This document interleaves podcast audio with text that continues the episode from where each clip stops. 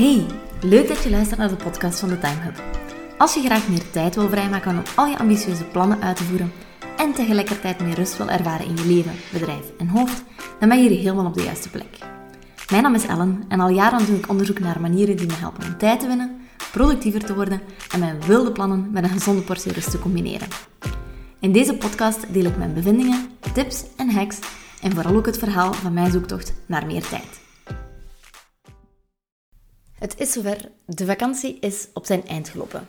Het is bijna 1 september en voor heel veel mensen betekent dat de start van een nieuw schooljaar, een nieuw academiejaar en het einde van hopelijk een aantal zorgeloze weken. Het leek me de perfecte gelegenheid om mijn vakantieverhaal hier even te delen, aangezien het me ontzettend veel geleerd heeft over mijn time management, maar vooral ook over mijn mindset.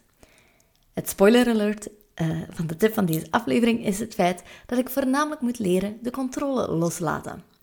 Als dat iets is wat je herkent, blijf dan vooral even luisteren. Het verhaal begint halverwege juli, wanneer ik op vakantie vertrok met mijn schoonfamilie. Nu moet ik eerlijk toegeven dat ik eigenlijk al voor ik op vakantie vertrok met stress zat. Dat is op zich niet zo uitzonderlijk. Misschien herken je dat wel.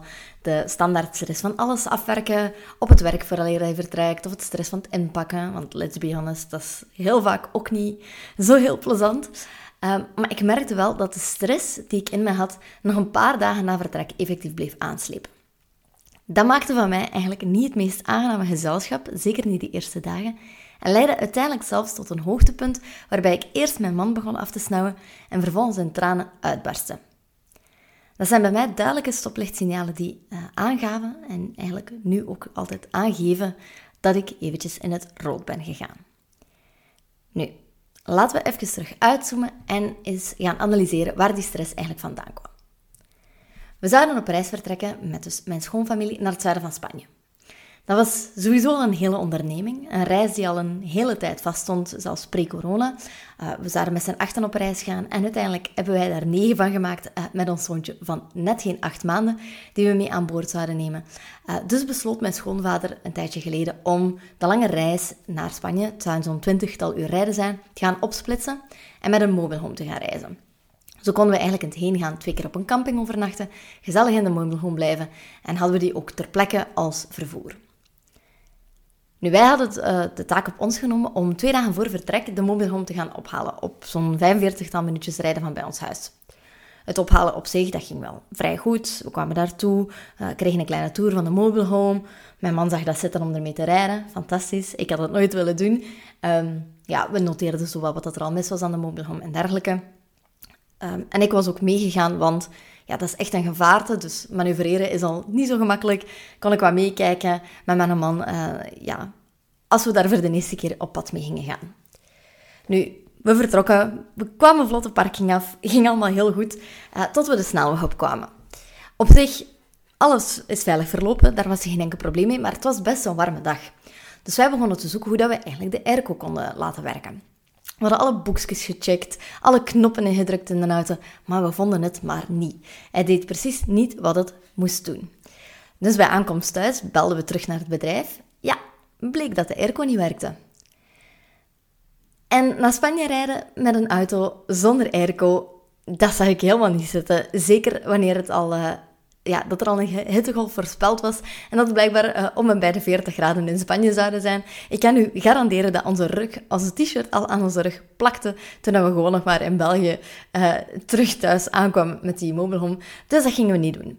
Uh, wat wil dat zeggen? Ja, in plaats van rustig in te laden, konden we de dag daarna terugkeren met de mobile home, want no way, José, dat we zonder airco naar Spanje zouden gaan, zodat de mechaniekers die eerst konden checken.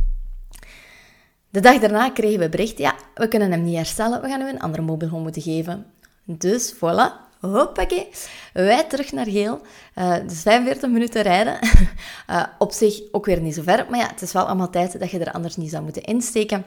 Dus dat was heel, heel hectisch om dat eigenlijk te gaan, uh, te gaan regelen. En ja, ook jammer van de tijd dat ik eraan spendeerde, want het was tijd dat ik eigenlijk voorzien had om nog wel laatste zaken in mijn bedrijf af te ronden en op het gemakje te beginnen inpakken, eventueel nog wat boodschappen te gaan doen. Zwat. Dat was eigenlijk al uh, niet zo'n uh, niet zo'n fijn gevoel. En bij mij, als er iets bij zit in de planning, krijg ik daar op zich al redelijk wat stress van. Dan vervolgens had dat eigenlijk ook als impact. Ja, ik had één dag gerekend om alles in te pakken. Ehm, en ik wou dat ruim op tijd doen, zodat we aan degene die met ons mee zouden rijden konden laten weten hoeveel plaats er nog was, uh, hoe dat we alles zouden organiseren, wat dat zij misschien nog moesten meenemen. Maar doordat we de mobile home dus nog niet konden inladen wanneer dat gepland was, werd dat ook opgeschoven. Sowieso was ik voor dat inpakken best al zenuwachtig, want ik weet niet of je ooit al eens geprobeerd hebt een week op autovakantie te gaan met een baby. Ik kan u aanraden dat je zeker een camion mocht huren. Het was de allereerste keer dat we zo lang weggingen met ons kleintje, dus ik was ook op voorhand al aan het denken, ja, we hebben allemaal nodig. En voor de allereerste keer pakt je dan toch voor de zekerheid heel wat extra dingen mee. Want stel dat je daar niet naar de winkel kunt gaan, wat dan met zijn voeding. Uh, stel dat je daar niet de juiste pampers vindt, dan wilde dat ook mee hebben. Dus ik had heel veel zaken extra mee, just in case. Het is de allereerste keer, de volgende keer ga ik veel minimalistischer inpakken, want nu weet ik exact wat we wel en niet nodig hadden. Maar voor die allereerste keer hebben we alles goed volgestuurd. Uiteindelijk had ik ook al wat stress, dus we hebben al twee stressfactoren. Eén, de planning die opgeschoven werd, en twee, het inpakken. Ja, diezelfde lieve baby waarvoor dat ik uh, wat beetje stress had voor in te pakken, gaf me aan zich, of maakte me aan zich ook wel, wel een klein beetje nerveuzer, want 20 uur in totaal in een auto met een kleintje dat eigenlijk graag beweegt en altijd van alles ziet, dat wist ik niet zo goed wat dat, dat zou geven. Um, ik... Uh, maakte mij daar wat zorgen in dat hij de hele rit door eigenlijk vrij lastig zou zijn en dat we veel zouden moeten stoppen of dat slapen misschien niet zo goed zou gaan. Want ja, je kunt hem daar niet in een bedje leggen om te slapen, dus hij moet eigenlijk constant in zijn Mexicosi slapen. Zou dat lukken? Um, wat, allemaal vragen op voorhand die eigenlijk achteraf gezien niet per se nodig waren. We moesten het gewoon eens ervaren, want ons klein patatje was met uitzondering van een paar weenmomentjes, de rust zelf. Hij sliep zowel eh, in de mobile home als in ons huisje ter plekke eigenlijk in Spanje vrij goed. Was krak dezelfde baby als dat hij thuis is. Dus eigenlijk hebben we daar totaal, totaal geen last mee gehad. Maar ik denk dat je wel kan voorstellen dat ik er mij er wel wat zorgen in aan het maken was. Alright. Dus, heel wat zaken op voorhand om stress over gemaakt. Uh, oh waar ik nerveus over was. Allemaal niet per se nodig. Maar we doen de autorit. Uh, eh, 20 uur aan een stuk en we komen eigenlijk zonder al te veel kleerscheuren en gelukkig ook schade aan de mobielhome aan aan ons huisje. Daar kwam de volgende uitdaging. Uh, ons huisje lag in een klein beetje een, een vallei, waarbij dat we dus eigenlijk met de mobile home een heel klein straatje naar beneden moesten doen om op de parking van het huisje te geraken. En we merkten eigenlijk meteen al, oei, dat gaat hier niet zo gemakkelijk gaan om hier terug te vertrekken. We gaan hier niet zomaar met die mobielhome even helemaal terug naar boven kunnen rijden, want we moeten eigenlijk ontzettend veel manoeuvreren. We hadden om naar beneden te rijden al bijna wat planten uh, en wat fauna en wat flora mee van, uh, van daar in de buurt. Dus mm, niet zo'n ideaal idee. Wat dat ook wil zeggen dat het totaal niet te doen leek om met de mobielhome uh, naar de supermarkt te gaan. Plus hetzelfde te voet of met de fiets, want mensen van ons hadden fietsen mee, was eigenlijk ook vrij onmogelijk. We zaten in een buurt waarbij de elke straat op en neer en op en neer en op en neer ging. En om te voet ergens te geraken moesten we eigenlijk ook langs hele grote banen wandelen.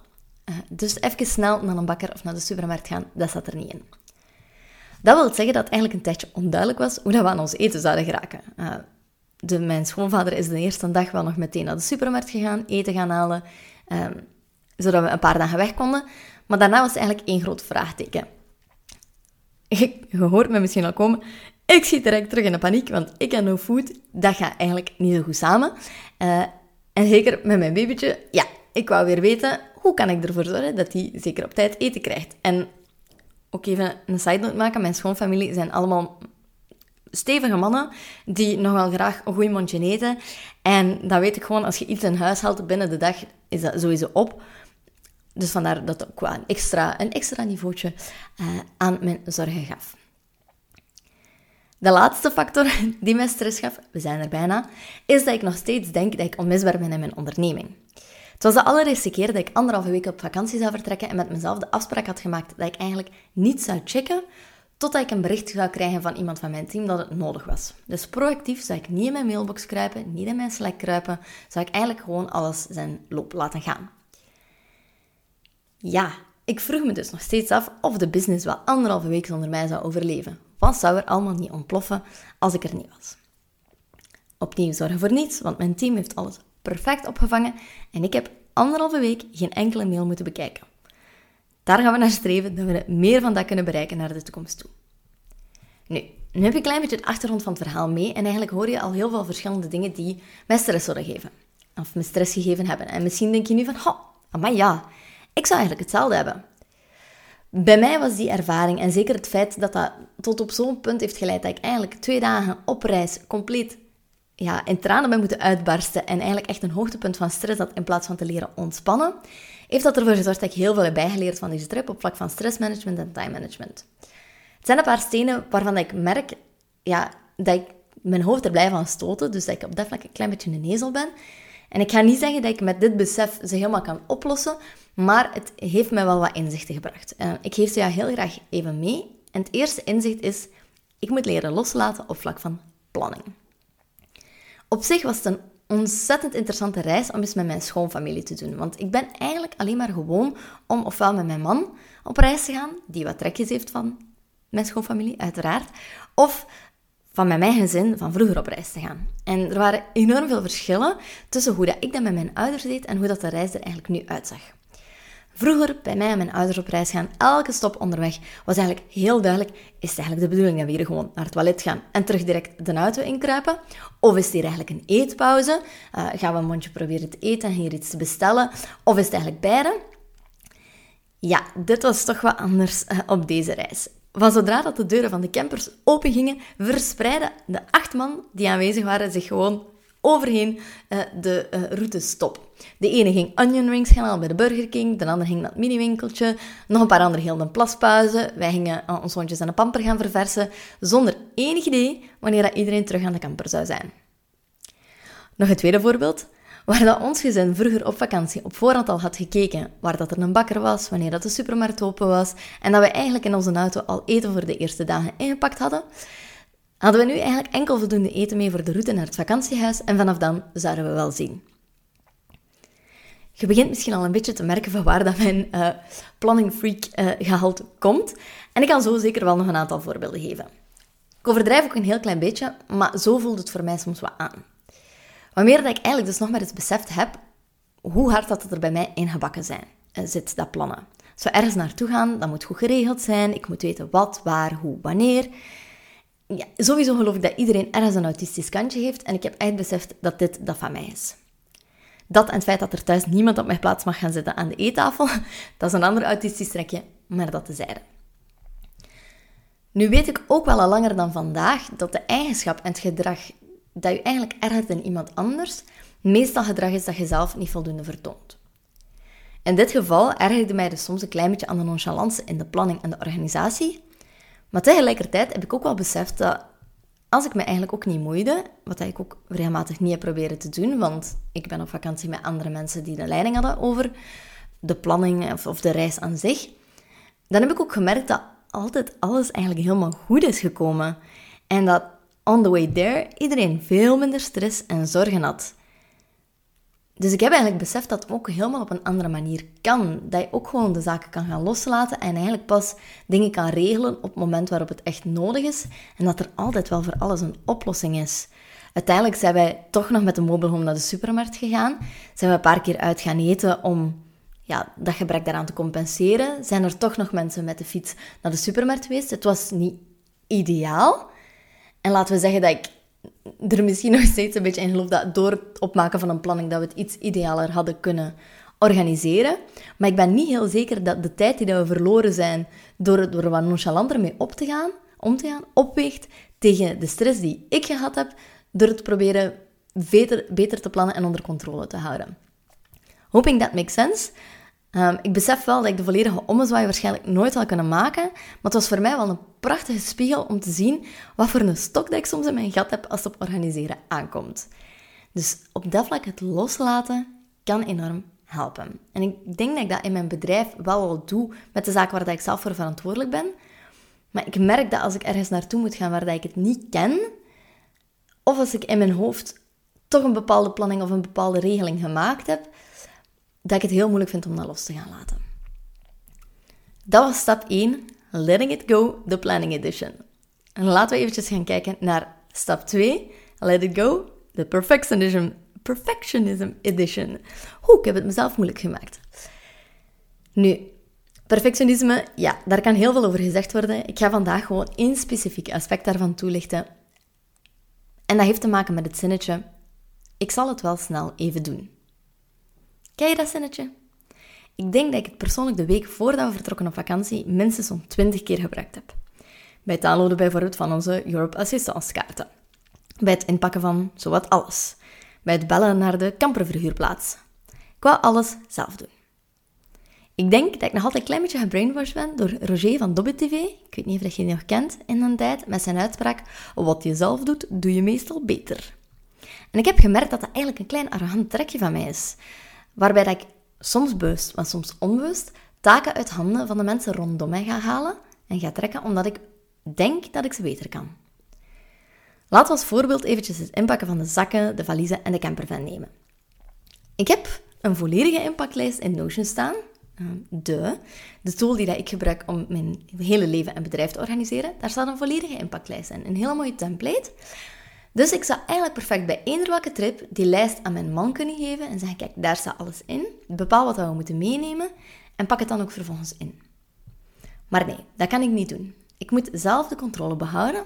Ik moet alles zo efficiënt mogelijk inpakken, zelf puzzelen in de camper om de plaatsen optimaal mogelijk te benutten, alles per categorie gaan steken, ter plekke ook weer alles op een logische plaats gaan uitpakken en gaan installeren. Heel veel zaken die ik eigenlijk naar mij toe trek, omdat ik denk, ik kan dat goed, laat ik dat gewoon doen. Ik denk dat je zelf wel al hoort en beseft dat dat heel vermoeiend is om op die manier ja, te gaan werken of gewoon door het leven te gaan. Want Achteraf gezien maakt het in principe geen hol uit hoe dat de camper was ingeladen, want er was meer dan voldoende plaats. Alle valiezen lagen toch na één dag overhoop, omdat je onverwacht bepaalde dingen nodig hebt uit de bagageruimte dat je op niet voorzien had. En ter plekke in het huis vond ik nog steeds van alles niet terug, net zoals thuis eigenlijk. Plus, dat niet alleen, mijn gedrag heeft eigenlijk ook als gevolg gehad dat mijn man niets weet liggen in de bagageruimte uh, of in het huisje zelf. En dus eigenlijk ook de rest van de congé mij niet heeft kunnen helpen. En ik heb daarmee, let's be honest, ook een klein beetje lui gemaakt heb naar de volgende vakanties toe. Want ik heb het toch allemaal op mij genomen. Dus ondertussen zit wel met het principe dat mijn man ook zegt van kijk, ik ga u dat laten doen, want je doet dat zo goed. Dat is heel lief en dat is heel fijn. Maar eigenlijk is dat geen ideale manier van werken, want zo leer je het iemand anders ook niet aan en zit je zelf ook met de stress dat je het iedere keer opnieuw moet blijven doen. Dus mijn conclusie hier was: het is dringend tijd om de gedachte wat je zelf doet, doe je meestal beter, uit ons hoofd te gaan schrappen. En de zin, dat doe ik wel snel even, uit ons vocabulaire te schrappen. Want eigenlijk raken we er geen hol mee verder. Het is veel beter om de taken te gaan verdelen op dat vlak en eigenlijk om hulp te leren vragen. Om eigenlijk naar de toekomst toe iets meer de controle te leren loslaten en stress op vakantie los te laten. Nu, ik heb nog veel meer geleerd deze vakantie, maar het belangrijkste is vooral dat ik na mijn mini-uitbarsting de remmen los heb kunnen laten en heb kunnen genieten. Het was weliswaar een heel ander type vakantie met ons zoontje voor de eerste keer, maar eigenlijk was het een prachtige ervaring als gezin. Aangezien dat we terug van start gaan met dat schooljaar, is de uitdaging vandaag vaak nog veel groter om te leren de controle los te laten. En toch heb ik deze aflevering nu gemaakt om je te vragen hier eventjes over na te denken en eens te zien op welke manier dat jij, ofwel in het maken van een planning, ofwel in jouw perfectionisme, de controle en de teugels toch iets kan laten vieren. Stuur me zeker een mailtje of een berichtje op Instagram mocht je iets aan deze podcast gehad hebben. Het voelt persoonlijk weer een klein beetje als mijn ziel blootleggen en van, me van mijn iets minder kant laten zien. Maar als het jou voor, voor jou iets betekend heeft en jou een tip uh, of waardevol inzicht heeft meegegeven, dan is het me het dat 100% waard. Ik ga deze aflevering hier afsluiten en alvast beginnen mijmeren over de eerstvolgende vakantie, die we toch gaan proberen op een iets andere manier aan te pakken. En ik hoop dat ik jou met deze aflevering wat inzichten heb kunnen geven.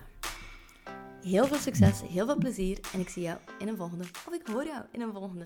Doei!